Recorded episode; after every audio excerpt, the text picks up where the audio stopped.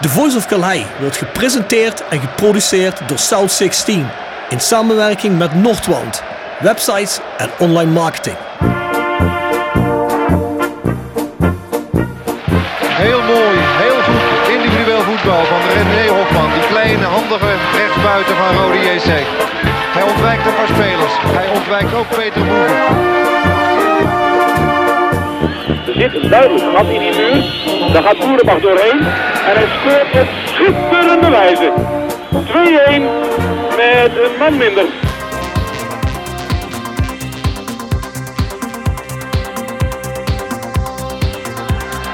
Babangida aanspelen, jazeker.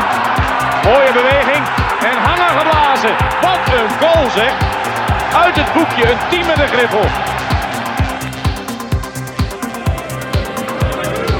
Zenden. Oh, oh! Gerry Zenden, wat doe je nou? De lenzen naar voren, naar voren, naar voren, naar voren. Doelpunt! Een doelpunt! doelpunt voor Roda JC. Roda mensen naar rechts. Hier is Paulussen, hier is Paulussen. En daar is de goal voor Roda JC. Bladeren gaat en Malky schiet. Zo! Ho, ho, ho! Wat een treffer zeg. Een granaat in de kruising.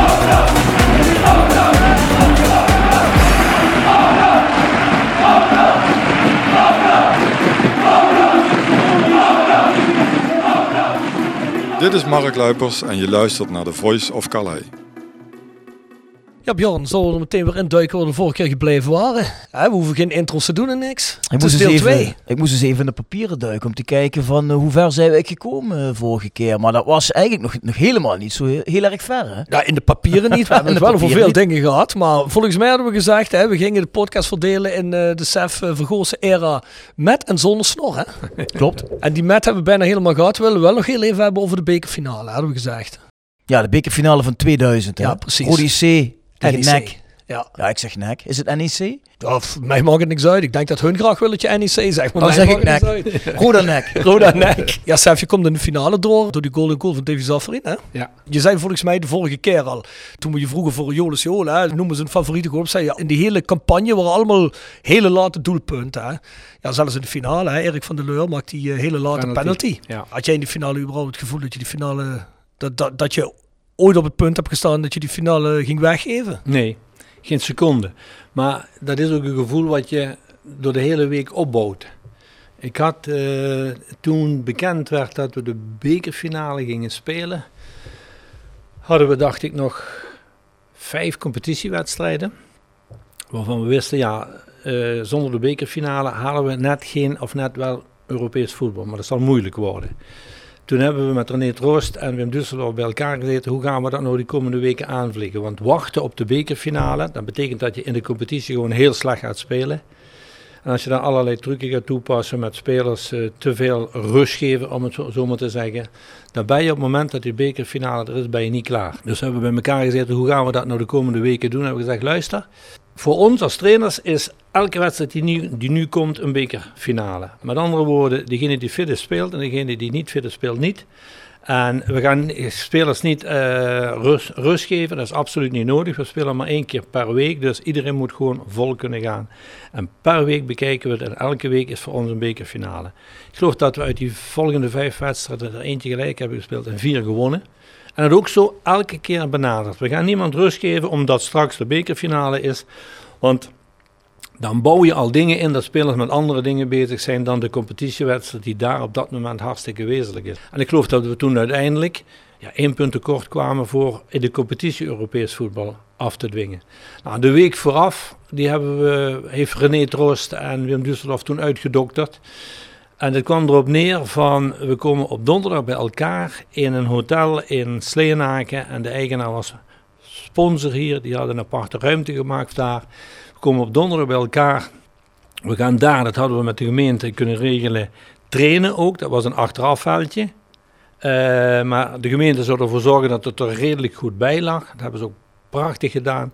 We hebben donderdagmorgen getraind. We hebben donderdagmiddag gefietst in het Heuvelland. We hebben vrijdagmorgen getraind. We hebben vrijdagmiddag geluncht we zijn daar ook blijven slapen. Eh, we hebben eh, vrijdagmiddag een bespreking gehouden. Die ruimte waar we zaten hadden we al helemaal aangekleed in de bekersfeer. Dus de beker van een paar jaar daarvoor tegen Heerenveen geloof ik. Hè. Die Mhm. stond er, er hingen foto's op en zo. Dus we hebben daar al, al een aantal dagen in de sfeer van de beker geleefd. We hebben ze ook eh, zaterdagavond naar huis laten gaan, thuis slapen. Zaterdagmorgen Kaleide trainen. eh Kaleide lunchen in de bus, want je moest een dag eerder bij elkaar komen, omdat je in de buurt van het stadion moet zitten. Dus je bouwt iets op na die bekerfinale. En dan begint hij en dan valt redelijk vroeg die, die goal van Bob Peters, ik geloof in de 20ste minuut of 20ste zoiets. minuut, ja. Ja. En daarna zijn er best wel momenten geweest dat NEC het feit en het van ons een beetje overnam. Beter was dan ons, maar we pakten het elke keer terug.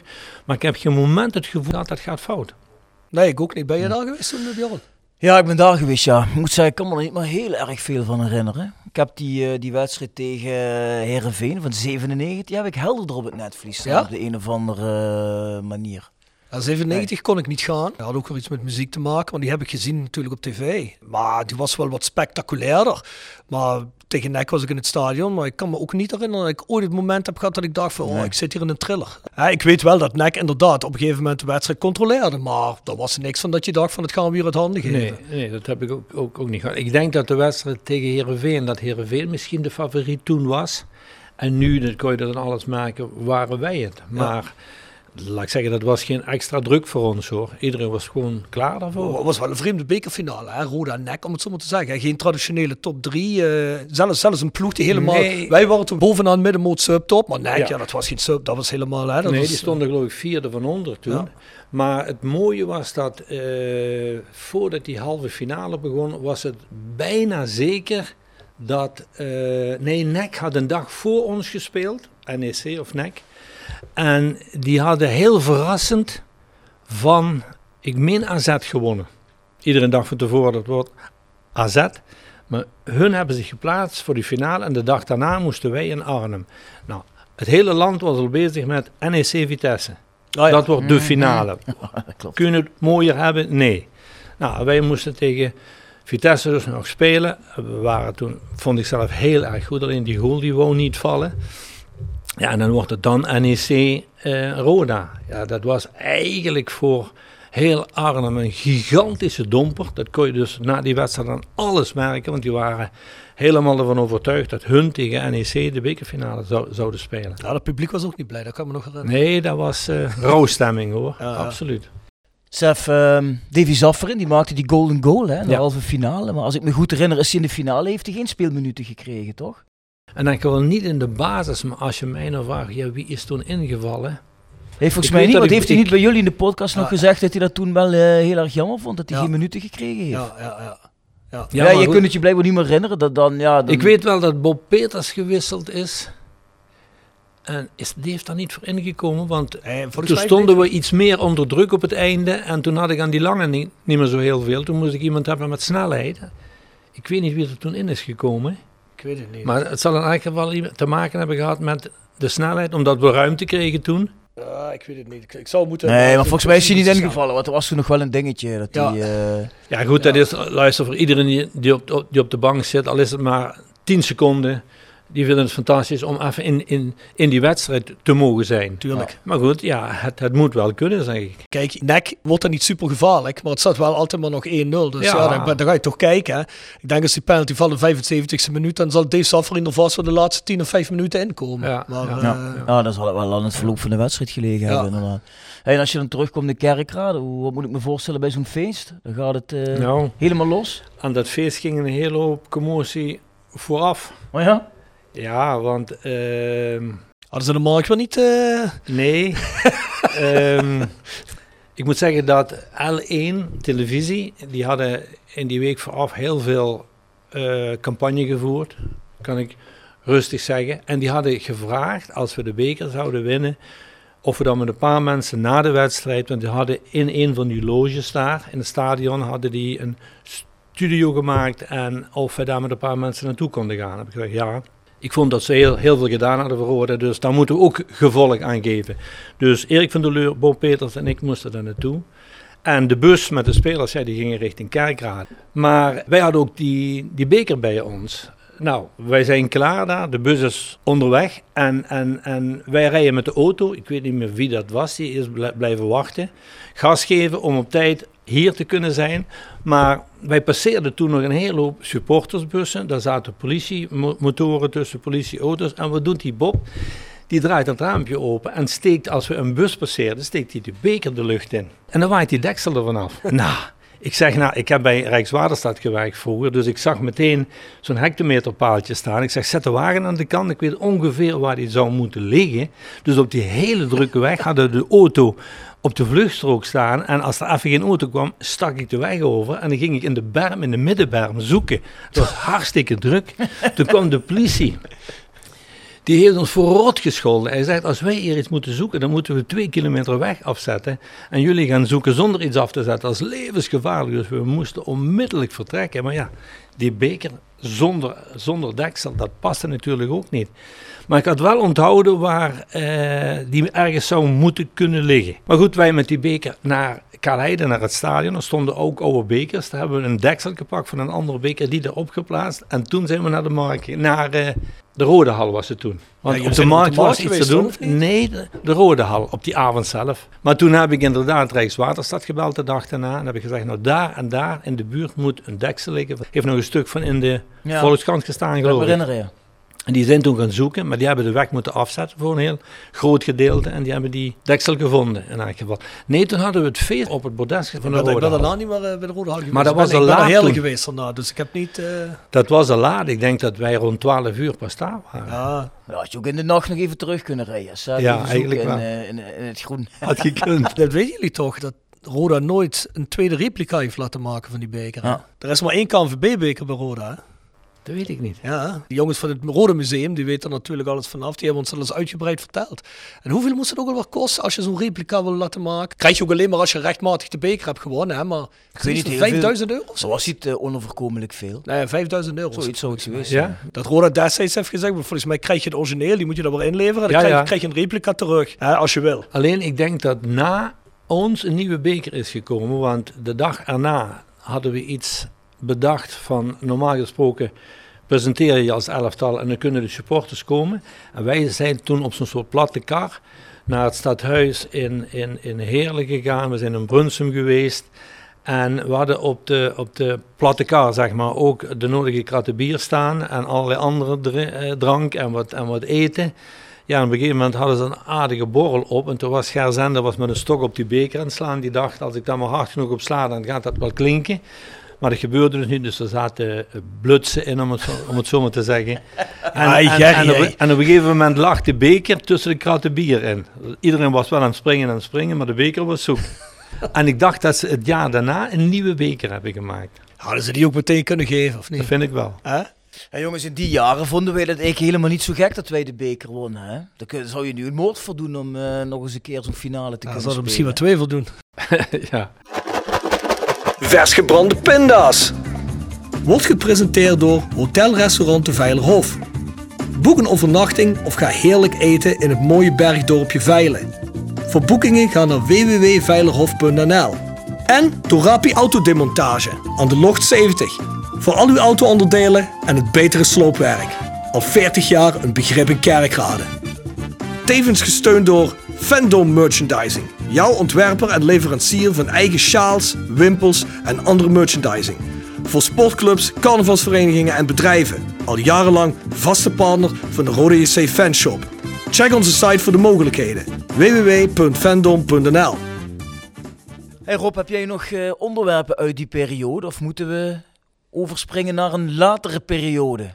Nee, niet meer uit die periode. Nee, nee, nee. Bekerfinale 2000 had ik erop staan. Nu wil ik, eh, wil ik het natuurlijk per se over hebben. Maar nog heel even voordat we naar iets recentere gaan. Dan heb ik het over 2008, 2009. Heel eventjes kort, hè, Sef. Je, je vervolgt na je carrière bij KC Genk. En je zit ook nog bij Al Jazeera. Ja. Ja, je bent bij Rode de Beker. Bij Genk word je Belgisch kampioen hè? Ja. En trainer van het jaar. Ja. Ik ga eens even een bruggetje maken. Nu het hebben over clubs waar Sef getraind heeft naar, naar 2008, 2009. Want natuurlijk heel veel mensen zijn een beetje benieuwd ook naar de insteek op het verhaal van, van Sef wat eh, de fusieperikelen aangingen toen. Maar jij hebt altijd gezegd, kijk, ik ben voorstander ervan. Omdat ik bij Genk heb getraind. En ik heb daar gezien dat een fusieclub wel kan functioneren. Tenminste, dat zeg ik toch niet fout, hè?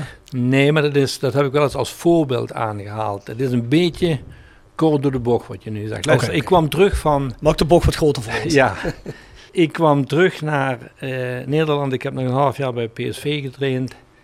En toen was er sprake van, laat ik zeggen, ik probeer het zo kort mogelijk te houden, want dan is het duidelijker dan wanneer ik het heel uitgebreid ga doen. Eh, de provincie wou zich presenteren als sportprovincie. Uh, er was een fusie geweest in het handbal. De Lions is daaruit voortgekomen.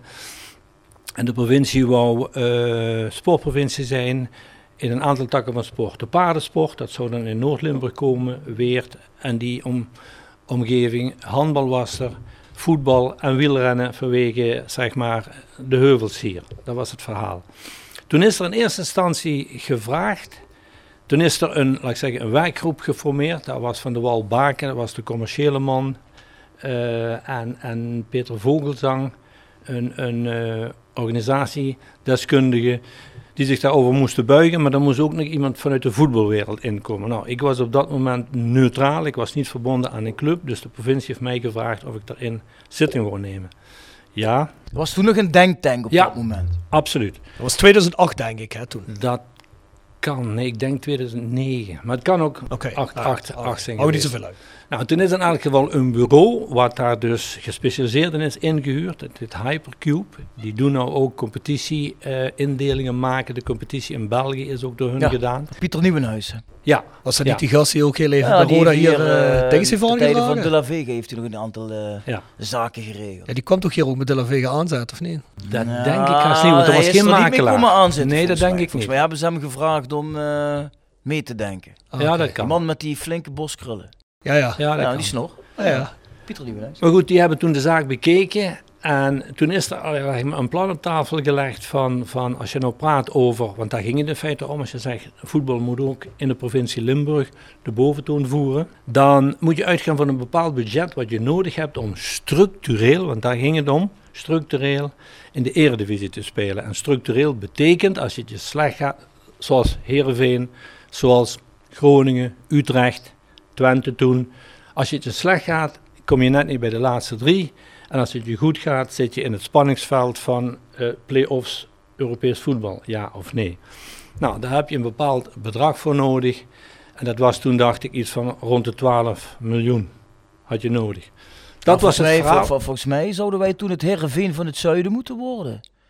Dat werd Nou, maar als, je, gezegd. als, je praat over, ja, als je praat over structureel ere, eredivisie, dan kom je bij, bij Ja. die, die ja, volgens mij, uit. uh, zoals ik het me herinner, was het zoiets van Roda had zelf rond de 12 miljoen, standalone. En we moesten naar de 20 toe. Nee, nee, nee. 12 miljoen was toen, toen hè, praat je over 2008 of 2009, Ja. was toen nodig om structureel, als je dan dat geld een beetje fatsoenlijk besteedt, dan had je dat nodig om structureel in de eredivisie te spelen. Dus niet van vandaag erin en morgen eruit en dan weer terug en dan hè, structureel. Zoals die clubs ook. Dat was het verhaal.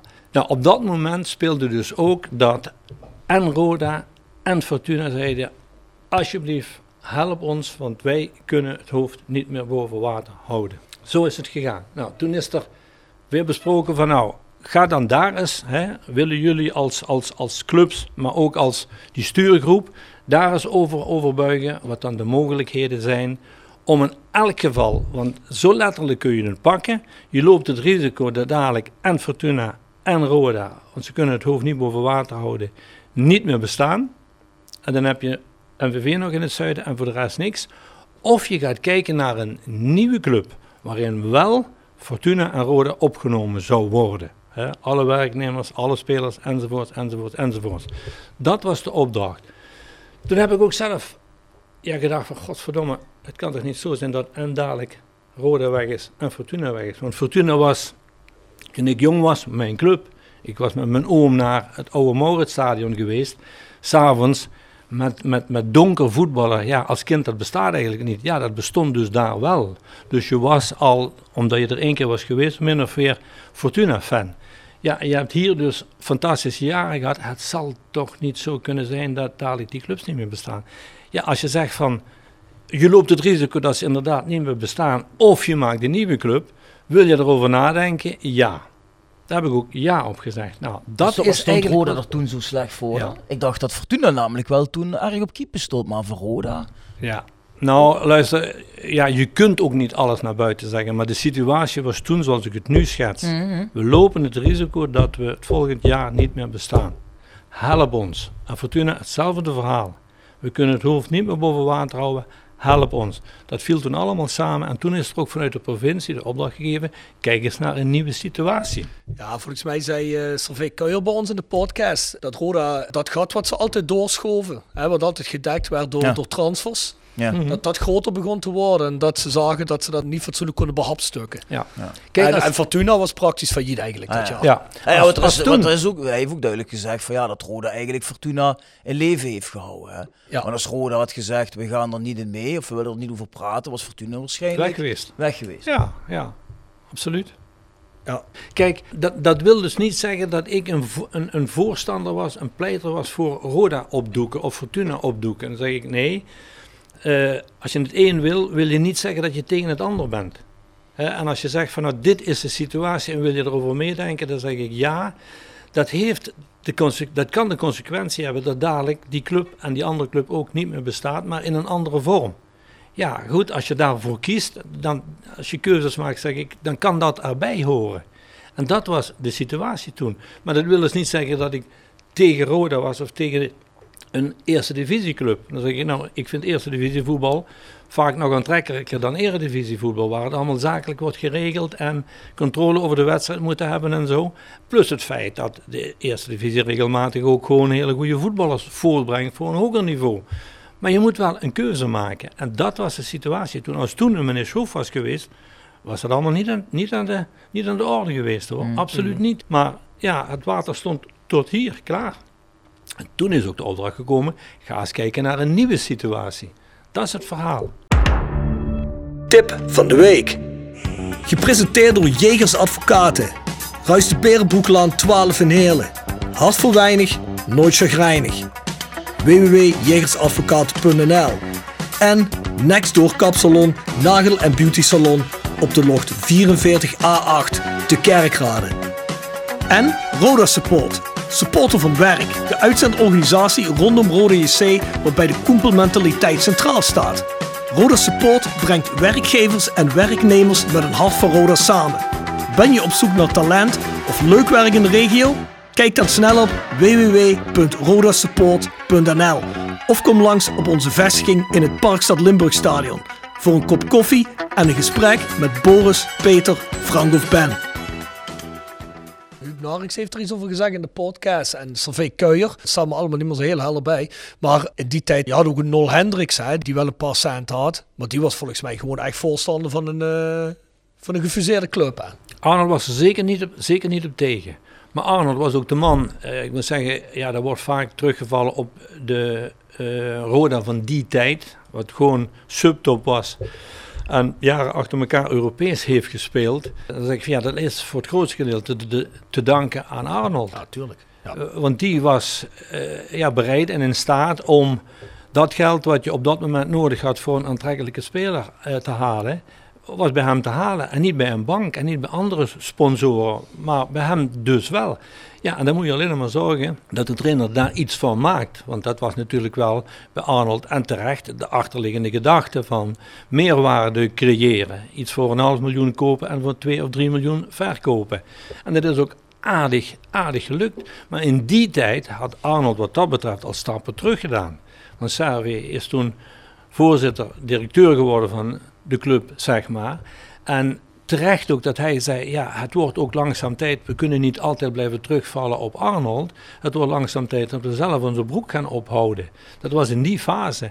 Ja, en Arnold ja, was af en toe nog wel eens bereid om iets te doen, maar niet met de Arnold van in de periode dat ik hier was. Dus de situatie was ook gewoon anders. Je kon niet meer zomaar terugvallen op mensen die geld op tafel legden om Roda in leven te houden. Je wil een bepaald niveau aanhouden, ja, dan heb je bepaalde middelen nodig, hoe ze ook binnenkomen, om ook kwaliteitsspelers aan te trekken. Of in elk geval spelers die talentvol waren, om daar iets van te maken. Die situatie was eigenlijk ja, achterhaald. En Servië is begonnen met te proberen de club met zeg maar hetzelfde broek op te houden. Ja, dat ging op een gegeven moment niet meer. Want nogmaals, wat ik straks zei, als toen een meneer Schroef was geweest, dan was die hijsen allemaal niet, allemaal niet gebeurd. Want Servé zei ook dat die stuurgroep in eerste instantie de opdracht kreeg om uh, te kijken hoe het uh, zou kunnen met Roda Standalone. Maar ook naar een fusieclub. En dat toen, ik geloof die meneer Vogelzang, hè, die, die Peter Ja. Vogelzang, al heel snel zei van nee, gaan we allemaal niet doen. We gaan puur alleen kijken nog naar een, eh, naar een fusieclub. Heb, kun je dat ook zo herinneren? Nee, de, de, de, de, de eerste opdracht was, kijk eens hoe die voetbalwereld er in Zuid-Limburg ervoor staat. Hm? En dat was toen gewoon, ja, uiteindelijk heel erg slecht. Hm? Toen kwam het verhaal ook van, met name uit Sittard naar voren van, ja, het gaat niet meer. Nou, bij Roda was min of meer hetzelfde verhaal. En toen is ook vanuit de filosofie, vanuit de provincie, zeg maar, we maken er een, een sportprovincie van. Ja, ga nou eens kijken dan als je die twee clubs bij elkaar gaat voegen. Niet in die zin brengen, want daar was de emotie te, te groot voor. Maar kijk eens naar een nieuwe voetbalsituatie waarin de provincie dan hoofdsponsor wordt. Want dat was het verhaal. Hè. Ja, dat zei Salvee ook al voor de duidelijkheid. hè, Want dat komt vooral van Huub Narks toen niet zo naar voren. Hè. Daar hebben we het meer over, over eh, echt de gebeurtenissen aan zich gehad. Maar het zou dus echt een hele nieuwe club worden. Hè. Het zou Ja. niet zijn, dit wordt, eh, ik zeg maar iets, eh roda sitter combinatie Nee. zo. hè. Het zou echt eh, Ja. een hele nieuwe club worden. hè. Ja, maar zo, is dat in jouw beleving iets anders? Nee, maar kijk, het is wel nog wat anders. Hè. Als jij nou bijvoorbeeld zegt, kijk, we gaan een nieuwe club vormen. We trekken eh, bijvoorbeeld de gelden en het personeel uit Rode JC. Maar Rode JC blijft als club bestaan. Kijk, dan kan ik als fan nog kiezen om naar Rode JC te gaan. Dan is het een vierde klasse amateurs. Ja, dan kan ik als diehard Roda fan zeggen, ik vind het wel een rood streek. Maar ja, goed, ik, ik, ik ga nog wel naar mijn Roda kijken. Want dat is er nog. Als je echt fuseert en je laat de clubs in elkaar opgaan, dan is er ook geen Roda meer. Dat kun je wel opnieuw proberen op te richten en iets ermee te doen als fans. Of de mensen die nog over zijn. Maar het is qua gevoel waarschijnlijk hetzelfde. Maar echt specifiek fysiek gezien is het denk ik toch ook wel fijn te weten als je club er nog wel is. Waarschijnlijk niet meer op een hoog niveau. Maar nee, maar volgens ik- mij bedoelde jij juist te zeggen van het was geen gewone fusie, maar twee clubs die Nee, in een, iets een, een, nieuwe, een, een nieuwe club. Ik heb wel eens gezegd, ja, dat was, zou uniek in de wereld zijn geweest. Want er is geen club in de wereld die eh, het logo heeft van zijn hoofdsponsor. In dat geval zou de provincie hoofdsponsor worden. En zou het logo van de provincie op het shirt komen. En ook in de kleuren van de provincie. zeg Sef, zijn die dingen die hier op die bestuurskamer staan, zijn dat trouwens ook altijd die logo's? Nee, dat weet ik niet. dat is Ja, Limburg, volgens hè? mij wel, hè Bjorn, of niet? Zij is gewoon de provincie Limburg, denk ik. Ja, maar dat is, toch- dat is ook een embleempje. Dat is volgens mij dat Sporting Limburg ding, of niet? Ja, dan moeten we dadelijk even die krabben halen, waarmee we de ruiten schoonmaken van auto. Ik weet het niet helemaal zeker, maar volgens mij, ik zie dat nog net hier in de achtergrond. Maar, en dan doet zelf zeggen, de provincie Limburg staat in het logo. Ja, dat is precies wat dat is. Hè. Dus, maar goed, het zal Maar even, even hoe, je, hoe jij dat dan zag, Sef. Want volgens mij bedoel je dan te zeggen van... die twee clubs blijven op enige manier wel nog bewaard eh, in die nieuwe club. Nee, kijk, het, het gaat om een nieuwe club. Het ging niet om de fusie. eh, we gaan geen. eh, Roda gaat niet fuseren met Fortuna en Fortuna met Roda. Ja. Er moet een nieuwe club komen die de provincie krijgt als hoofdsponsor, met ook de kleuren van de provincie, met het logo en met een aantal sponsoren die zich erachter zetten. Mhm. Dat was het verhaal. Waar wel heel nadrukkelijk in de opdracht mee eh, moest worden genomen, is dat alles wat mogelijk was van Fortuna en Roda bij elkaar brengen, binden in die nieuwe club. Niet in wat jij ook zegt, de fusie, hè, wat kleuren of wat naam betreft. Nee, een nieuwe club waar de provincie hoofdsponsor van zou worden. Dat was het verhaal. Zelf kun je je dan voorstellen dat, ehm, kijk naar buiten toe hè, en voor de provincie, en dan wil ik een beetje advocaat van de duivel, hè, de provincie zal zeggen, ja jongens, eh, we gaan niet één club gaan wij voortrekken, maar zal er waarschijnlijk in praktijk ook op neer zijn gekomen op het niveau waar Fortuna toen zat, het niveau waar Roda zat, ook infrastructuur, nieuw stadion wat nog geen tien jaar oud was, je gaat dan een kerkrade spelen, waarschijnlijk het grootste gedeelte van de selectie zijn Roda mensen. Kun je je voorstellen dat ze hier bij Roda zeggen van ja, waarom moet dat, laat het gewoon Roda heten. Het wordt toch 75, 80 procent Roda mensen, dus Ja, maar de si- situatie was ook zo, we hebben dat ook, ook gemerkt toen we hebben gesproken over de jeugdopleidingen bij elkaar brengen, dat er sponsoren waren die zeggen we gaan niet meer investeren, we gaan niet meer sponsoren naar drie of vier, als je praat over heel Limburg, vier clubs.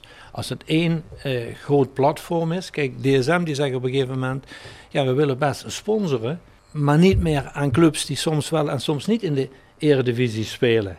eh, we willen sponsoren omdat we met onze klanten ook willen komen kijken naar Roda of naar eh, Sporting Limburg, noem maar op, tegen Ajax, om het zo maar te zeggen. Maar wij waren toen nog lang niet gedegradeerd. Hè? We stonden toen wel heel slecht ervoor. Maar Ja, maar de toekomst gaf ook geen perspectief. Omdat er een aantal sponsoren waren die zeiden van een club met een hoger platform, daar willen wij naar gaan meedoen. Dus de toekomst in de zin van, ja, op hoeveel geld kun je daar nog terugvallen, was gewoon heel erg slecht. Maar waar, Tenzij je een grotere club zou maken. Waar het platform zodanig is dat een bedrijf als DSM kan zeggen, daar kan ik met mensen naartoe gaan. The Sound of Calhei. Gepresenteerd door PC Data Logistics Automation. De partner voor leveren, installeren en onderhouden van geautomatiseerde ordeelverzamelsystemen. Zowel lokaal in kerkraden als globaal over heel de wereld. Zoek je een uitdagende job? Kijk dan naar onze vacatures op pcdata.nl. Ook worden we gesteund door Willeweber Keukens. Wil jij graag kwaliteitskeukendesign dat ook bij jouw beurs past? Ga dan naar Willeweber Keukens in de Boebegraaf 1 te Schinveld. Waar is dat uiteindelijk misgegaan? Want die bedrijven van DSM, et cetera, die hebben er uiteindelijk toch niet achter gestaan in die zin. Want als die er flink de beurs hadden getrokken, dan was het waarschijnlijk wel doorgegaan. Nee, maar op het moment dat het niet doorgaat, want op het moment dat zeg maar, bekend wordt gemaakt dat die nieuwe club er komt, dan weet iedereen van wie zit daar nou achter. Er waren bedrijven bij die in principe eh, nooit sponsorden in voetbal. En toen zeggen nou, achter die club willen we, willen we ook achter gaan staan, daar doen we dus mee.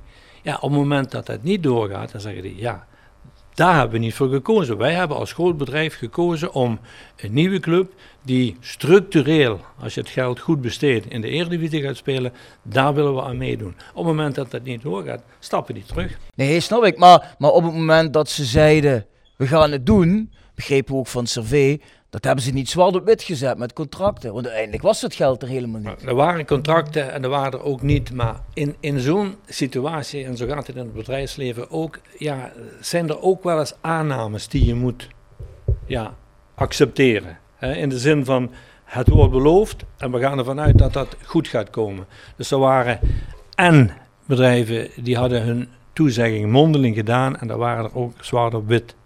En dat heeft te maken met, ja, de een doet mee, de ander moet ook meedoen. Hè. We versterken elkaar ook als bedrijf als we er samen achter gaan staan. En dat, dat was de situatie toen. Ik speel weer advocaat van de duivel, hè, want laat ik zeggen, ik vond het fijn dat Roda bleef bestaan. Dat als ik degene ben, wie, ik weet niet wie dat toen was, die dat toen moest regelen met die bedrijven. Hè. Was, dat niet die, was dat niet die Nieuwenhuis of wie was dat? Of wat zei Nee. Salvé toen?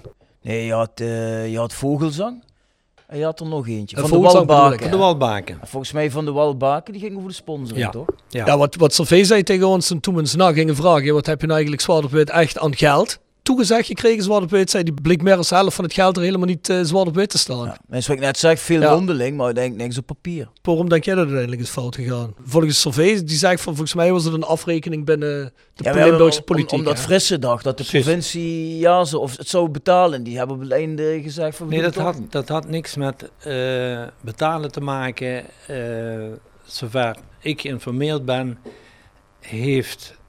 En dan kun je achteraf zeggen, ja, dit is een fout van de stuurgroep. Maar ik ben geen, eh, niet iemand van de politiek. Dat Frisse, laat ik zeggen, heel veel op zijn eigen noemer heeft gedaan. In de overtuiging dat zijn partijgenoten hem wel zouden steunen.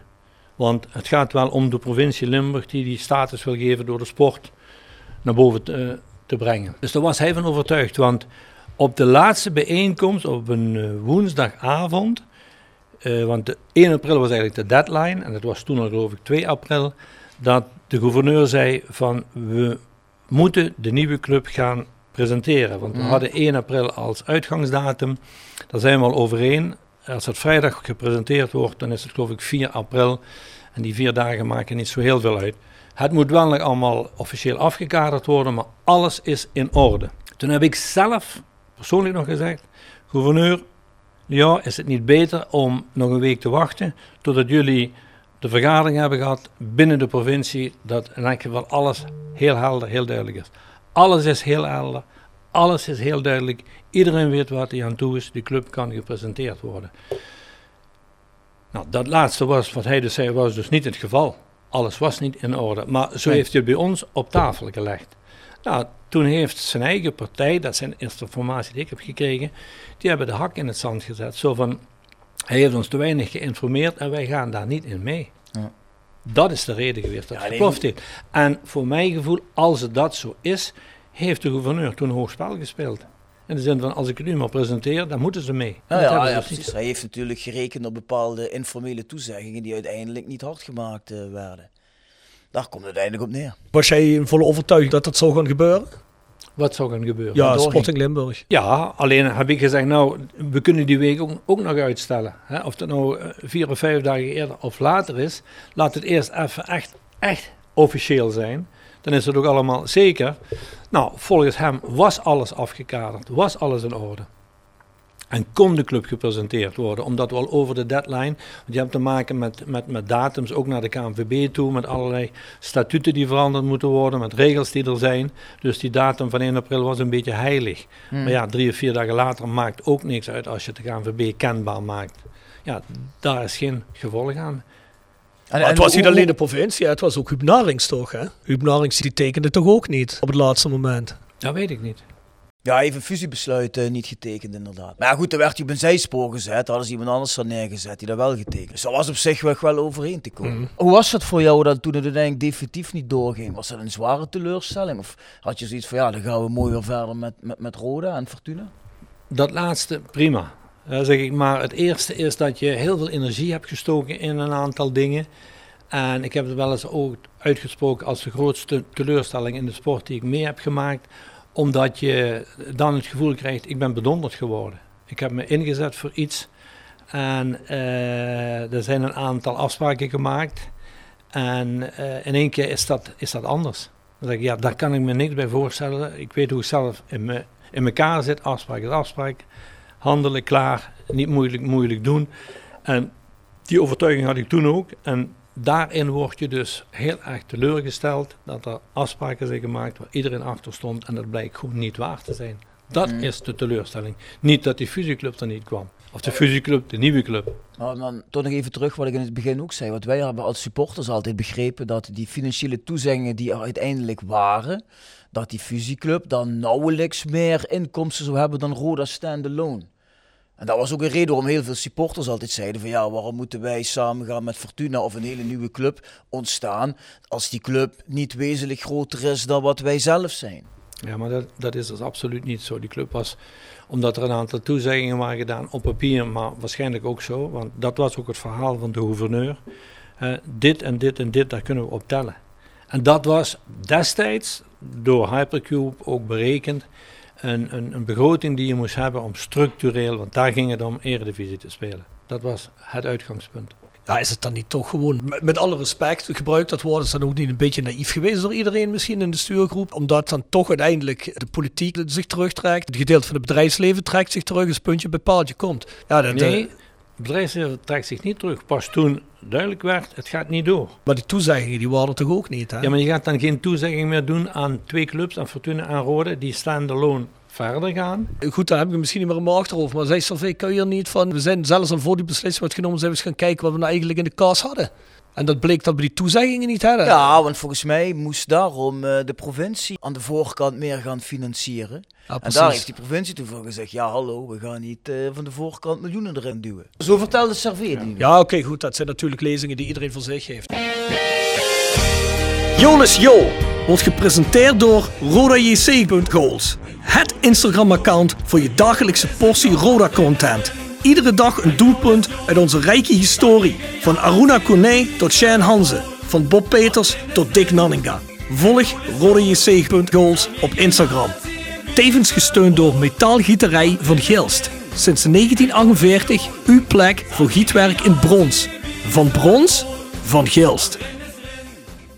Denk je nou dat, want het is een aantal keren geprobeerd met die fusie, hè? denk je dat dat de laatste keer is geweest? Of verwacht je dat er iemand de handschoen in de toekomst nog eens een keer gaat oppakken?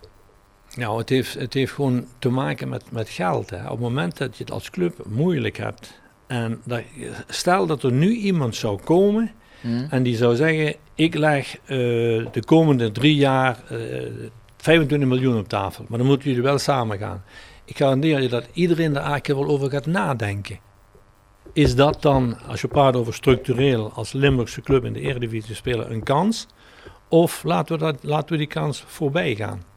Ik zeg dus niet dat je het moet doen, maar je gaat er wel over nadenken. Met andere woorden, wat ik net zeg, ja, het gaat uiteindelijk ook in een bedrijfsleven om geld. Hoeveel geld heb ik ter beschikking om mijn bedrijf te runnen of mijn bedrijf uit te bouwen, verbeteren, versterken, naar een hoger niveau brengen. Dat is waar het eigenlijk altijd, altijd om draait. We hadden vorige week Jonas Peters in de podcast. Dan hebben we het natuurlijk over beleid. En dan zegt hij, nou goed, we willen de club zo opbouwen dat we dadelijk fatsoenlijk gestructureerd, als gezonde club dadelijk weer kunnen promoveren. Ja, is natuurlijk alles voor te zeggen. Er is niemand op tegen op zich. En dan heb je de andere kant van de mensen die zeggen, nou ja, goed, uh, we willen het principe suikeroom, Nol Hendricks niet meer. Hè? Of uh, ik denk dat je dat vertalen moet naar een, iemand die met een zak geld komt. Maar stel nou bijvoorbeeld, uh, er komt iemand in die dienst aan bij de funders en zegt, nou, ik heb hier 10 miljoen, ik wil het investeren in Roda. Ik wil dat jullie wel fatsoenlijk beleid voeren, maar ik wil wel al 2 miljoen wil ik in de selectie gaan doen volgend jaar. Zodat we voor plaats 1 en 2 mee kunnen doen en eventueel kunnen promoveren. Maar jullie blijven gewoon het beleid voeren, maar we hebben even die duwende rug nodig. Zeg jij dan als Sef Vergozen, nee jongens, dat moet je niet doen. Of zeg je van, nou ja, goed, als je, die, als je die push kunt krijgen, maar wel tegelijkertijd fatsoenlijk beleid blijft voeren, goed blijft nadenken, je ding blijft doen, dan kan dat rustig samen. Als dat past in, in, in het beleid van de club, kan dat absoluut samen. Je, moet er wel, je, je zegt het terecht, je moet er wel goed over nadenken en dat moet wel passen.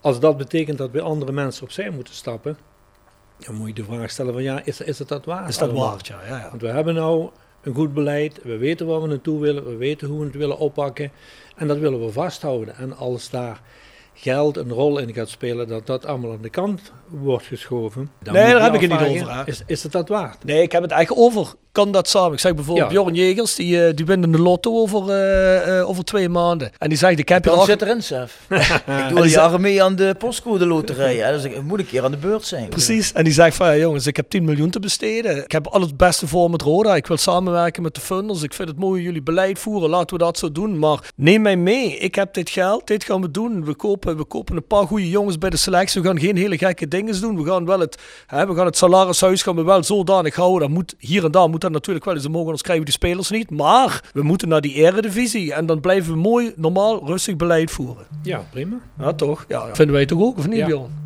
Zeker weten. Prima. Zeker weten. Nee, omdat je wel eens geluiden hoort en mensen zeggen: nee, aan zoiets moet je überhaupt niet beginnen. Je moet niet zo snel terug, je moet het eerst rustig. Maar ik vraag me altijd af: je kunt het gewoon naast elkaar doen. Ja. Hè?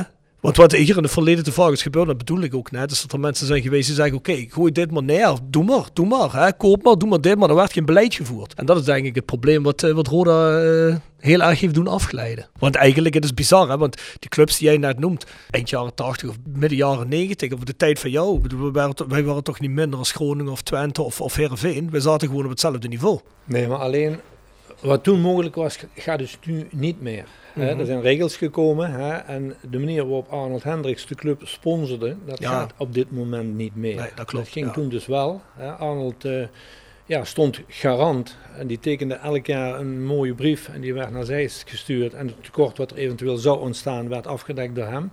Ja, dan ben je dus klaar. Maar ja, dat gaat dus niet meer, je moet het anders gaan doen. En je had ook nog het voordeel van Arnold die erg geïnteresseerd was in talentvolle jonge jongens aan te trekken en daar geld voor op tafel te leggen. En dat ook commercieel uit, uitbaten, in die zin dat de winst dan ook naar hem ging, terwijl hij dat meestal heeft laten zitten. Uh, dat bleef dan voor Roda, hij kreeg zijn eigen geld terug. Maar dat maakt het werken wel heel erg makkelijk. Ja, zeker. Maar Sef, hoe zie jij de ontwikkeling van Roda in de komende jaren? Zie je Roda progressie maken? En hoe moet die ontwikkeling zich doorzetten? Wil je op een gegeven moment kunnen promoveren? Kijk, de manier waarop Roda nu functioneert, dat vind ik heel helder en ook heel duidelijk. En dat heeft structuur, dat heeft vastheid. Alleen het vraagt wel iets meer dan één of twee jaar. Uh, voor, voordat dat eenmaal uh, laat ik zeggen, echt zijn vruchten gaat afwerpen. Want je moet A, de combinatie nu maken tussen het elftal elk jaar proberen een beetje naar een hoger niveau te brengen en wat schulden weg, wegwerken. Ja, dat, dat, dat werkt elkaar eigenlijk tegen, maar je moet het toch, toch doen. En daar is Roda heel, heel sterk mee, mee bezig en daar kan zich ook iedereen in vinden. En dan denk ik dat het absoluut mogelijk is dat in de situatie waarin ze nu zitten, met dit beleid, met deze structuur, dat je die stap naar de Eredivisie absoluut een keer gaat maken. Zeker van. Hij zou heel even Five Aside doen met zelf. Ja. Five Aside. Gepresenteerd door Herberg de Bernardeshoeve. Weekendje weg in eigen streek? Boek een appartementje en ga heerlijk eten met fantastisch uitzicht in het prachtige Mingersborg bij Marco van Hoogdalem en zijn vrouw Danny. www.bernardeshoeven.nl Tevens worden we gesteund door Wiert's Company. Ben je op zoek naar extra personeel? Bezoek het kantoor van Wiert's Company in het Parkstad Limburgstadion of ga naar www.wierts.com. Had je eens even vertellen over de rubriek? Zeker. Ja, Ah, oké. Dan weet je wat ik bedoel, of niet? ik denk het wel. Minivoetbalteam. Ja, Ja? ik heb het klaar. Ik ben, ik ben heel benieuwd wie jij zou gaan selecteren. Luipers, Sende, Van der Leur, Rutsch en eh Dave Saverin. Die laatste twee zijn vrij opvallende namen, Ja. toch? Ja, ik, moet, ik Saverin. moet vijf Limburgers hebben om gewoon plat tegen te kunnen kallen. Ja, ja, ja, ja, dat is goed. Dat is mijn team. Ja. Dan heb ik iemand voor het middenveld, heb ik iemand voor voor, voor achter, de meeste voor achter. We houden het achter dicht, kan niks fout gaan. De laatste gasten van ons hadden allemaal zijn Hansen achterin, hè? Had ook gekund, hè. Bijna allemaal, ja. Uitgegaan van de groep waar ik mee heb gewerkt. Tuurlijk, hè. tuurlijk. Leuk team. Originele keuzes eh, bij. Ja. eh, Ik denk dat we Dave Salverin en Humphrey Rutsch nog niet gehad hebben. Nee, zeker niet. Goeie. Gouden jongens. Gouden jongens. Ja. Absoluut. Hey Rob, hebben we het eh, onderwerp fusie hiermee besproken? Of eh, zeg je Ik van... denk, eh, tenzij je nog een vraag hebt. Nee, nee, nee. nee de, we hebben wel een hoop vragen van luisteraars, maar die gaan eigenlijk allemaal over het heden. Dan gaan we daar hier langzaam over. Zal ik dan eens een bruggetje maken? Hey, uh, Sef, je hebt het net gehad over de fusie. Hè? Je hebt dan natuurlijk in de stuurgroep een rol gespeeld. Je hebt die ook altijd uitgesproken. Ook, ook in, in, in 2013 en 2019 heb je nog laten optekenen dat je eigenlijk zegt, nou ja goed, ik ben no- vooralsnog toch een, zoals je het net uitlegt, onder bepaalde omstandigheden, als bepaalde situaties zijn, een voorstander van een fusieclub in Limburg. Of een nieuwe club in Limburg. Ja, maar wat ik straks ook zei, als je voor het een bent, zeker vanuit de situatie zoals het toen was, hoef je Mhm. niet tegen het ander te zijn. Nee, ja, precies. Zoals jij nou dat net uitlegt. Hè? Ja. Dat heeft je bij de Roda-fans bij bepaalde mensen wat minder populair gemaakt. Maar kun je je voorstellen toen jij dus, eh, en dan komen we op het heden, hè, dat jij nu als adviseur werd aangekondigd van de RVC. Dat er wel mensen waren van, eh, die zeiden van ja... Of dat er heftige kritiek was door een bepaald gedeelte van de sporters. Ze zeiden van ja, niet alweer Sef van Goossen. Beginnen we weer al over fusies. We beginnen niet over fusies. Maar ik kan me eh, indenken dat de mensen zo denken. Maar daarom zeg ik ook van als je voor het een bent, hoef je niet tegen het ander te zijn. Mhm. En waarom stap je dan nou bij Rode binnen? Want dat is eigenlijk, eigenlijk, eigenlijk de vraag. Ja. Wat, wat die mensen hebben. Dan zeg ik van nou, ik voel me nog te jong, ook al ben ik al op leeftijd, om niks meer te doen. Het voetbal heeft me altijd heel veel gebracht. En, en, en, en eh, ik heb ook heel erg graag gewerkt binnen het voetbal. Ik heb de afgelopen jaren een aantal dingen gedaan wat de meeste mensen niet wisten, denk ik, voor de KNVB. Ik ben leercoach geweest van de jongens die UEFA Pro-cursus volgen. Dat betekent geen docent, maar ondersteunend. Ik heb in de reviewgroepen gezeten. Dat waren dus een, een drie of viertal mensen die vanuit de KNVB naar de betaald voetbalclubs werden gestuurd om naar, op verzoek van de club, om naar de jeugdopleiding te kijken. Ik doe links en rechts iets voor het vakblad de voetbaltrainer. Dus ik ben erg betrokken geweest bij het voetbal. Ehm, ik zit al, al, al een paar jaar te sukkelen met, met, met wat, wat lichamelijke kwaaltjes. Hè. Mijn bovenbeen wat niet meer goed functioneren wil. Dat heeft betekend dat ik ook bij de KNVB heb gezegd, ja, het leercoach spelen, daar moet, wil ik toch even mee stoppen. Want Ja. drie uur s morgens in de auto, de hele dag zitten in Zeist en drie uur s'avonds naar huis in de auto. Nou, daar betaal ik drie dagen de tol voor. En dat is, hoe graag dat ik dat deed, niet meer waard. Een paar jaar geleden heeft, dus ik stop daarmee. Hoe jammer dat ik het vind. Eh, een paar jaar geleden ben ik alles in gesprek geweest met eh, Joop Jansen en met Dionne Wiertz om eh, lid te worden van de Raad van Commissarissen, omdat er niemand in zat van, met voetbal know-how. Dat heb ik toen niet gedaan, want ik heb na PSV gezegd, ik wil niet meer, ik wil best een hele hoop dingen in het voetbal blijven doen, wat ik net ook aangeef binnen de KNVB, maar ik wil niet meer verbonden zijn aan een club. Ik wil die verplichting niet meer, ook naar privé, naar thuis. Ik heb aangegeven van, ik ben niet gestopt omdat ik ben uitgekeken op het voetbal of op het vak van trainer-coach, maar ik wil flexibeler in de tijd zijn. Mm. Ik wil deze week 80 uur maken, maakt me niks uit, maar ik wil wel volgende week donderdag, vrijdag, zaterdag, zondag voor mezelf hebben. Nou, als je dat wil, kun je geen coach meer spelen. Dus die keuze is gemaakt. Maar ik voel me wel nog altijd aangetrokken tot het voetbal. Maar niet met de verplichting van ik moet. En ik vind als je in de raad van commissarissen zit, dan moet je een aantal dingen. Dus ik heb toen ook gezegd eh, tegen Joop en Dion, nee, eh, dat wil ik dus niet. Punt uit. Om die en die en die reden. Nou, ik heb een tijd geleden eh, nog een keer me toen gesproken. Toen hebben ze gezegd, nou, wil je dan optreden als adviseur? A, omdat we binnen de Raad van Commissarissen niemand hebben met voetbal know-how, maar ook geen technisch directeur hebben. Nou, daar heb ik over nagedacht. Daar heb ik ook over gesproken met Jordens uh, en uh, Jurgen. En die hebben mij toen gezegd, ja, wij zouden dat op prijs stellen als je dat zou doen. Nou, dat was ook voor mij, gaf de doorslag om inderdaad, op basis van het feit dat ik bij voetbal betrokken wil blijven, dat ik Roda nog altijd een hartstikke fijne club vind. Dicht bij huis, dus die uren reizen hoef ik niet meer te maken.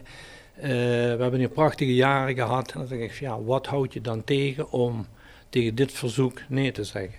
Zeker na het gesprek wat ik heb gehad met uh, Jurgen en Jordens. Dus dat is de reden waarom dat ik dit heb gedaan. Rob, ik neem even een vraag mee van Valerie Rombout. Jij zegt altijd, we hebben geen vrouwelijke luisteraars, maar dat blijkt dus niet te kloppen. Wie zegt dat dat een vrouw is? Valerie Rombout. Ja, het kan ook een man zijn die kan ook een Roos zijn. Valerie noemt. Roos zijn. Klopt. Nee, is met IE. Is met Oh, IE, geen Grieks zijn. Beste heer Van Goossen, hoe kijkt u aan tegen de dubbelrol van onze hoofdtrainer? En bent u niet een voorstander van een scheiding der machten? Dus een hoofdtrainer en een TD? Heb je vorige keer al een beetje aangestipt, denk ik. Ja, ik heb ook aan de Raad van Commissarissen gevraagd waarom dat die technisch directeur er niet is.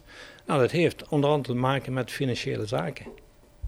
Het, heeft, er komt een functie bij en die functie moet betaald worden. En toen ze die beslissing hebben genomen, even niet. Toen was onder andere de financiën een van de redenen waarom dat ze toen even nee hebben gezegd. Dus ik heb dat besproken ook. En als je als club, en dat weet, eh, heb ik met Jurk en Joris ook over, over gehad. Ik moet overigens zeggen dat de keuze die Rode heeft gemaakt, dat die op dit moment gewoon werkt. Ik heb dat zelf ervaren. En dat heeft te maken met het feit dat eh Jurgen in staat is om een aantal van die functies op zich te nemen. Waardoor hij niet in conflict komt met zijn functie als coach. En dat Joris ook toevallig iemand is die als voetballer echt uit de voetbalwereld komt. En dat die twee dat nu op zich pakken.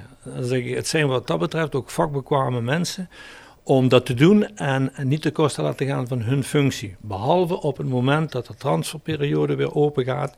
Ja, dan, dan moet je soms wel eens keuzes maken. Maar goed, dat is de keuze van de club die ze hebben gemaakt. Maar als je dus door wil groeien, zul je uiteindelijk toch naar ook een technisch directeur Mm. moeten. Nou ja, tuurlijk. Ja, dat heb je inderdaad vorige keer ook al eh Ja. uiteengezet. Eh, onze goede vriend Marcel Klomparens. Uit Oostenrijk. Uit eh, Oostenrijk. Beste heer Vergoosen, welkom terug bij de Trots van het Zuiden. Mijn vraag is, hoeveel invloed heeft u op het technische beleid? Oftewel, draagt u spelers aan of kunt u ook uw veto uitspreken tegen een eventuele aankoop? Allemaal niks. Nee. Sef luistert Marcel. erheen en kijkt ernaar.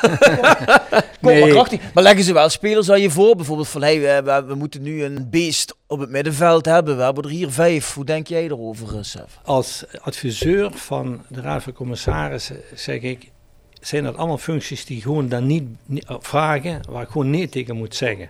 Want ik ben geen technisch directeur, ik ben geen assistent-trainer. Ik heb ook tegen eh, Jurgen gezegd, luister, ik kom in principe niet naar jou.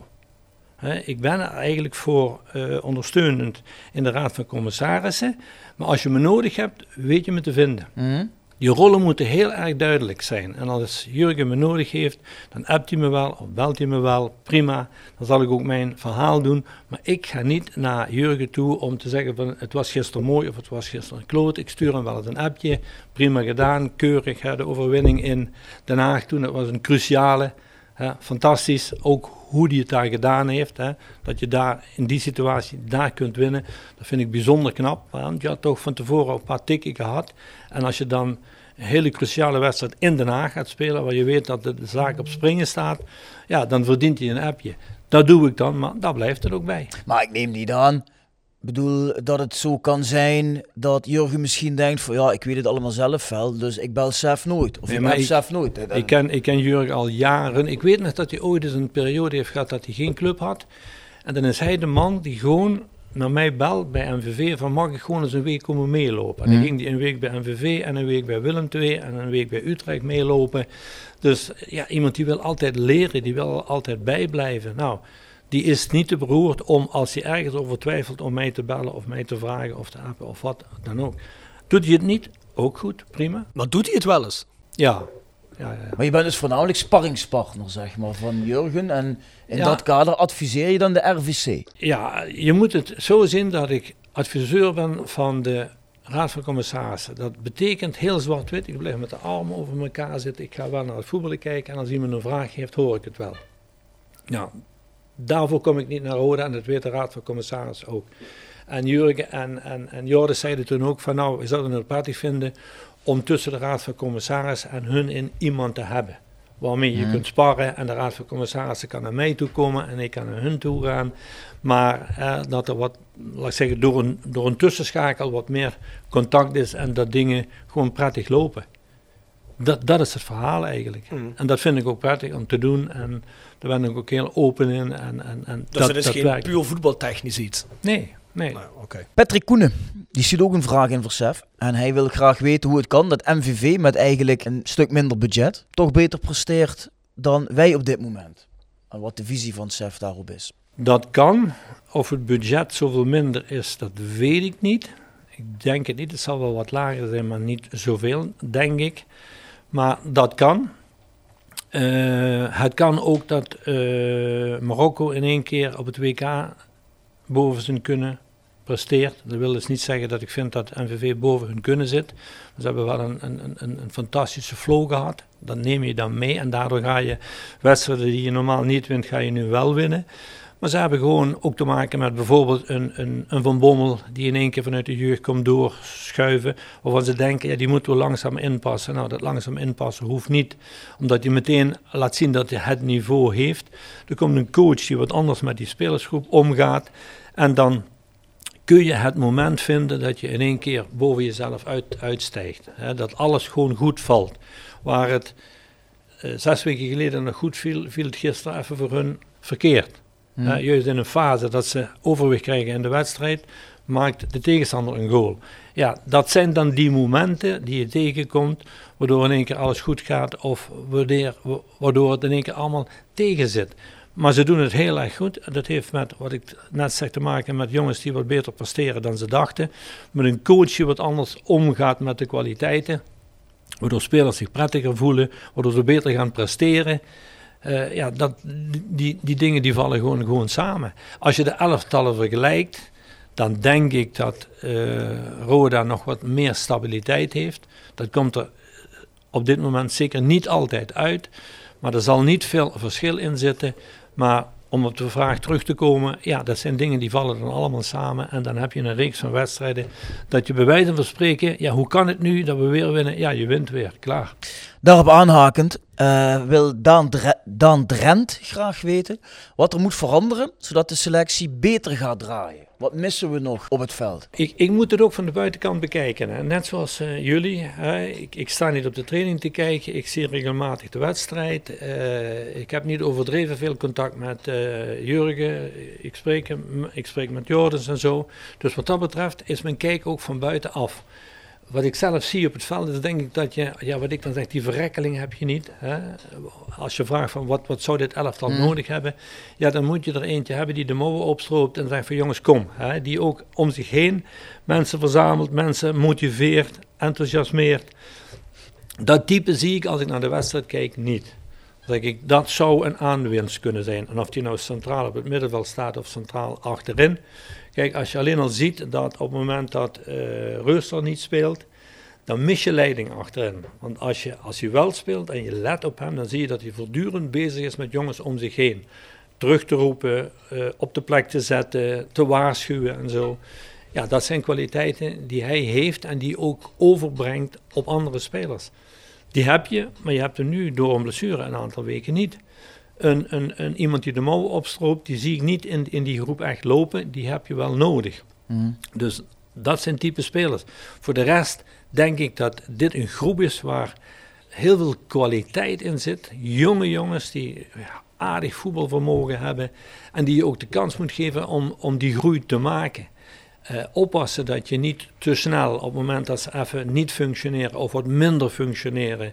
Eh, dat is dan een, een, een- een, verhaal naar Jurgen toe. Te snel gaat wisselen. Hè. Geef ze de kans om ook een keer minder te spelen, om een keer te falen. Geef ze een nieuwe kans. En als, laat ik zeggen, de prestatie van dien aard is dat het eh, een gevaar is voor het resultaat, dan moet je meteen wisselen. Maar hè, geef ze het gevoel, het vertrouwen, ik mag een fout maken. Ja. En dan gaat dit elftal presteren. Daar ben ik absoluut zeker van. Die wisselvalligheid, die zit vooral in de jeugdigheid. Dat eh, het ene moment de pannen van het dak en het andere moment is het gewoon even ja, zoeken. Als je ziet wat Limbombe doet, het ene moment flitsend en het andere moment denk je, wat doet hij nou? Ja, dat past bij deze groep, denk ik. En dat moet je op basis van vastheid eruit halen. En ik weet ook dat de trainer daar heel intensief mee bezig is. Dat heb ik bij Rob nu nog, uh, chef, terwijl hij al 50 is. Maar dan, dan denk ik het ene moment, denk ik, ja, dat doet hij goed. En het andere moment denk ik, wat doet hij nou? Ja, dan blijf ik Dus gewoon je bent eigenlijk een eeuwig talent. hè? dan blijf ik bij mijn vaste waarden en dan probeer ik weer in die flow te komen, weet je.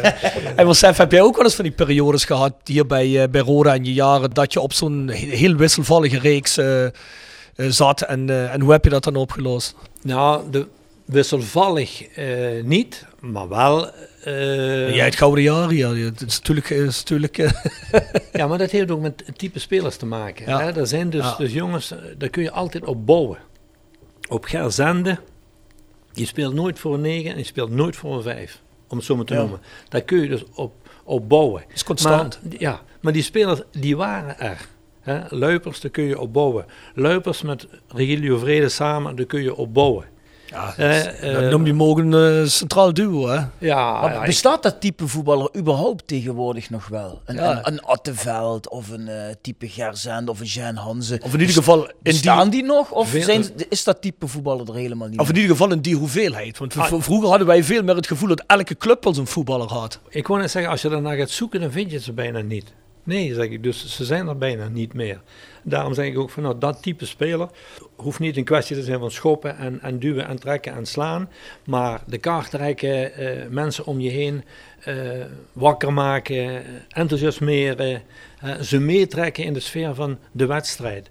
Eh, zelfs in het Nederlands elftal was hij niet aanwezig, waar Ambo Bommel rond heeft gelopen, waar een Sherry de Jong rond heeft gelopen, hè, waar een Jan Wouters rond heeft gelopen. Je vindt ze bijna niet meer. Dat is gewoon zo. Nee, dat klopt wel, ja. ja. Zie jij er iemand ergens in, op niveau wij spelen nu rondlopen in de eerste divisie bijvoorbeeld, je zegt, die heeft dat nog wel? Nee, daarom zeg ik van, je moet ze gewoon gaan zoeken. Je moet ze club voor club, moet je dan even gaan analyseren. En dan zeg ik, ik vind er geen. Echt niet. Raar, hè? Ligt dat, ligt dat aan de veranderde tijden, aan de andere opvoeding, Dat aan, de- aan de wel. tand des tijds? Of Dat denk ik wel. Ja. Ja, eh, misschien een afspiegeling van de maatschappij. Hè? wordt alles te gemakkelijk gemaakt? Zodat het ook gemakkelijkere voetballers worden? Ja, ik denk wel misschien dat eh, de jeugd zo meer gepamperd wordt dan vroeger. Misschien Absoluut. moest je vroeger echt knokken. Hè? Of was dat voetbal echt een uitweg uit een moeilijke situatie? En nu denk ik dat de jeugd misschien niet meer zo hard ervoor hoeft te vechten. Nee. Nee, want dat Daarom, heeft denk ik Argentinië ook een ander type voetballers dan Nederland. Ja, dat Ja, het is heeft zeker met zo. de cultuur te maken. Cultuur, ja. Ja. Rijkdom, eh, dat, eh, dat kweekt geen overlevingsdrang in ieder geval. Nee, dat is ook zo. Maar sorry, ik viel je net de reden. Die je zegt om op je vraag te beantwoorden. Of Of ik, of ik zelf ook die situaties mee heb Ja. gemaakt. Jawel, de situatie dat je denkt, nu heb ik het aan het draaien, nu loopt het, nu is het prima, nu ben ik klaar tussen aanhalingstekens. niet meer aankomen. En dan speel je weer een wedstrijd en dan worden er weer het stomme dingen gedaan en dan moet je weer bij wijze van spreken van vooraf aan beginnen. Niet in de zin van dan moet ik het hele systeem veranderen of zo, maar ja, je hebt altijd met momenten te maken dat- heel verrassend ook, dat zie je niet aankomen en dan gaat het in één keer weer hartstikke fout. Maar over het algemeen, zeker in de rode tijd, had je een heel stabiel elftal. Als jij nou uit jouw rode tijd één speler zou moeten kiezen waarvan je zegt, dat was een speler die had ik in al die jaren echt nooit willen missen. Ja, één noemen. Maar laat ik zeggen, de type Sende, de type Luipers, de type van de Leur. Maar ook de type Bob Peters. Hè, dan noem ik er een paar op. Ja, die je soms verschrikkelijk bij de oren moest pakken. En, en een draai om de oren mo- moeten geven ook. Om weer wakker te worden, om, om de rest wakker te maken. Wat ik straks al zei, die op het randje lopen en net soms over het randje heen gaan. Ja, dat zijn voor een coach gouden jongens. Niet altijd eh, prettig, maar wel goud waard. Een elftal ehm, die nooit weerwoord geven, de ideale schoonzonen, dat is voor een trainer dodelijk. Want dan moet je geforceerd soms dingen gaan oproepen om de zaak weer wakker te krijgen. En dat kun je maar een paar keer doen. En dan trappen ze daar ook doorheen, zeg ik. Dus ja, dat zijn types, zeg ik, die kun je gewoon zonder meer in een elftal niet missen. Die heb je gewoon nodig. Ik vraag me soms wel eens af, hè, Bjorn. Dan zijn er misschien geen jongens die op, op, een, op een goed niveau voetballen. Maar die misschien nog wel dat karakter hebben. Moet je dan soms misschien een speler pakken die wat minder is qua voetballend. Waarvan je zegt, die kan wel zo'n elftal meetrekken. Dat vraag ik me soms wel eens af. Want als je hem helemaal niet hebt, ja, dan is het ook niet goed. Nee, maar ga maar zoeken, ga maar scouten. En zeg maar, daar moet je dus op letten. Hij hoeft niet zo heel goed te kunnen voetballen. Als je maar buffelt. Ja, precies, dat bedoel ik, ja. Ga maar zoeken. Maar ik zou me daar iets bij kunnen voorstellen. Dat je zegt van ja, daar loopt er één. Het is toch wel interessant, ook al voetbalt hij wat minder. Maar het is toch wel interessant om die binnen, binnen de groep te halen. Natuurlijk. Ja, ja dat kan ik me ook wel voorstellen. Want dat is ook gewoon een kwaliteit, hè. Ik bedoel, Ja. eh, kijk, Erik van der Leur legde 9 van de 10 vrije trappen erin. Zo heb je andere lui die bra- brachten mentaliteit met. Niet dat Erik van der Leur het niet meebracht, maar hè, Ja, bedoel ja. maar. Ja, klopt. Stichtpunt Sterke Stories. Gepresenteerd door, Stichtpunt Tattoo Kerkrade. Tevens gesteund door Van Ooyen Glashandel. Sinds 1937 vervangen en repareren wij al uw glas met veel passie en toewijding. Met 24 uur service. www.vanooyen.com En Quick Consulting. Laat finance waarde toevoegen aan je organisatie. We komen graag met je in gesprek om aan de hand van concrete voorbeelden duidelijk te maken hoe we dit ook binnen jouw onderneming kunnen realiseren. Think win-win, think quick. www.quickconsulting.nl Tevens gesteund door Roda Arctic Front. Ja, heb je een sterk verhaal voor ons dat je Roda tijd zelf? Grappige verhalen. Als het maar sterk is. Ja, ja daar zijn we dan ja, buiten dan zeg maar de grappen van eh, de, de yoghurt in de, in de shampoofles en, en, en de knoop in de broekspijp en zo. Ja, daar hebben we toch wel wat dingen meegemaakt. Ik, ik, eh, ik vergeet nooit, met name Afrikaanse spelers, als die terug naar huis gingen voor vakantie of voor een interland. Dan was het zelden dat die eh, op tijd terugkwamen. Gabel Awal bijvoorbeeld, die was dus altijd op tijd, maar dat was een uitzondering. Maar we hebben een keer meegemaakt dat Bernard Choutang eh, Afrikaans kampioen werd. En die zou op een bepaalde maandag, Was dat Cameroen, hè, of niet? ja, Ja. die zou op een bepaalde maandag terugkomen, maar hij was er niet. Dus een week later is hij komen binnenvallen. En niemand heeft contact met hem kunnen krijgen.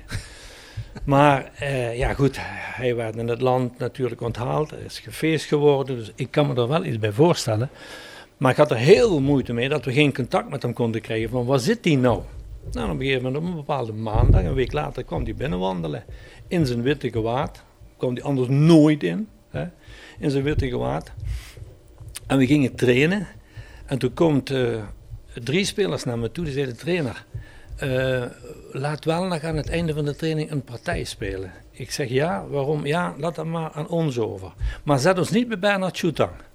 Dus die partij is er gespeeld geworden, maar die hebben na, na 10 minuten moeten afbreken. Want die drie, die hebben Bernard Schoetang alle hoeken van het veld laten zien. Om hem even te laten aanvoelen, vriend, als jij vindt dat je een week gewoon kunt wegblijven, dan zullen wij even je laten voelen dat dat niet zo is.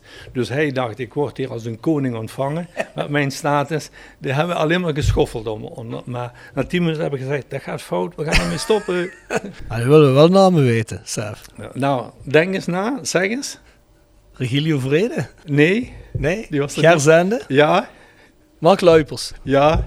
Nou, die derde weet ik Erik. niet. En Erik. Erik, ja? ja, ja. ja. Maar dat zou waarschijnlijk nu dus ook denk ik niet meer gebeuren. Nee, Dan dat- komt nee. er iemand binnen en zegt iedereen, hey, leuk dat je weer gekomen bent. Vies, Super ja. gedaan. heb je vla En- bij je? Ja, Ja, dan- dat begint, dan eh, dan. dat begint begint je voor te schoppen. Super aardige kerel, maar dat gaat niet gebeuren, denk ik. Nee. Nee, nee. Nee, Nee, nee, Nee, maar zo- nee, dat is allemaal een beetje te... Hè? Maar wat zei je dan zelf tegen zo'n Bernard Soetang? Ah, ik begrijp het wel. Ah, je over de bol of zei je van, ja, Bernard, dat doen we Nee, niet. dat is een aardig, aardig gesprek geweest, ook met de club. En natuurlijk, als je praat over cultuurverschillen, dan, dan, dan moet je tot een bepaalde hoogte dat begrip voor hebben. Maar niks van je laten horen kan dus niet. En als Had ik ook me dood goed- kunnen zijn, als, hè? Als ik me, ja, als ik me goed herinner, heeft hij daar een aardige boete voor gekregen. Dus wel even Ja, op het ja, bankje ja. zitten zelf, of meteen in de basis. Dat weet ik eigenlijk niet meer, maar ik weet zeker dat ik hem daarvoor niet uit de, uit de, uit de basis hou. Als je vindt dat hij, zeg maar drie dagen later, als je een competitiewedstrijd moet spelen, voor waarde is voor het elftal. Want dan doe ik het elftal tekort. Ja, ja, zeker. Was wel een goede speler, hè? Bernard was goed. Er zijn ook nog spelers gekomen dan van zoiets terug. Die winnen dan zo'n cup. Voor die speler komt, de dag van tevoren haal je uit de faxmachine, haal je... Oh, Die wil 50.000 euro per maand, wil die. Of als je in Engeland speelt, die wil 500.000 per maand. Dat gebeurt ook nog, Ja, hè? Is je dat al eens gebeurd? Dat Nee. iemand, dat, nee? Nee, nee, nee. Ik kan het me zo maar voorstellen, hè? Ik wil nog één vraag aan Sef stellen. De laatste vraag op dit lijstje hier. Ja. Sef, waar eindigen we dit seizoen? Nou, ik vind als Roda, wetende wat ze dus afgelopen jaren in het team hadden aan specifieke kwaliteiten en nu niet hebben, maar wel een aantal jongens naar op weg zijn, vind ik, moet Roda zich kunnen plaatsen bij de eerste acht, dus in de play-offs. Als ze dat halen, doen ze het prima. En dan weet ik ook dat je na het volgende seizoen weer een grote stap maakt, omdat je dan hebt te maken met spelers, jonge voetballers, talentvolle voetballers, die gewoon hele grote stappen hebben gemaakt, ervaring hebben opgedaan en dat je alleen maar beter wordt. Wo- Absoluut. wo- Worden wij nog beter als we dadelijk Limbombe en Vente verkopen? Ja, Maar goed. het gaat onherroepelijk gebeuren natuurlijk. Dat denk ik wel, die kans, die kans is er. Eh, je moet natuurlijk alles eraan doen om ze toch proberen zo lang mogelijk hier te houden. Maar ja, daarvoor moet je, laat ik zeggen, daar moet je mee, mee bezig zijn dat dat kan gebeuren. En zo is er ook ingespeeld op het vertrek van, van Bouchouari. Je hebt daar een aantal jongens die daar die rol kunnen gaan over- overnemen. Hij had hele specifieke dingen, maar hij heeft er ook twee jaar over moeten doen voordat hij dat niveau bereikte.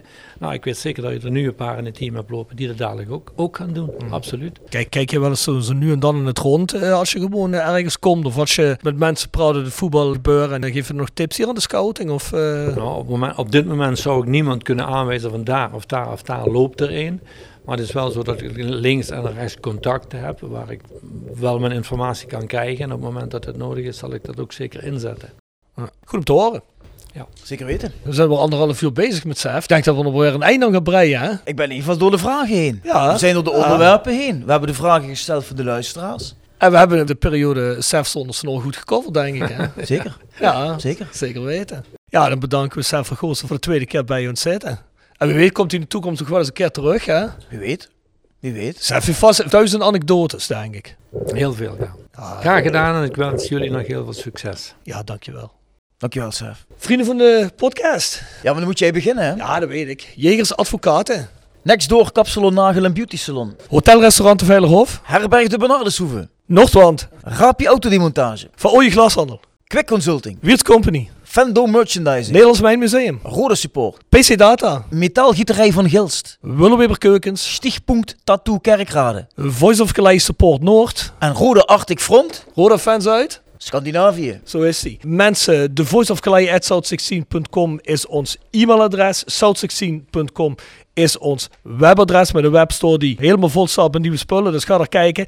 En petjeaf.com, schuine streep naar voren, de Voice of Calais. Dat is waar we voor- en nabesprekingen doen van alle rode wedstrijden. We nemen ook nog heel even nou eh, de laatste wedstrijd van Nederlands elftal mee als nabespreking. Hè. Ik zou zeggen, abonneer je daar. En tot volgende week. Tot ziens.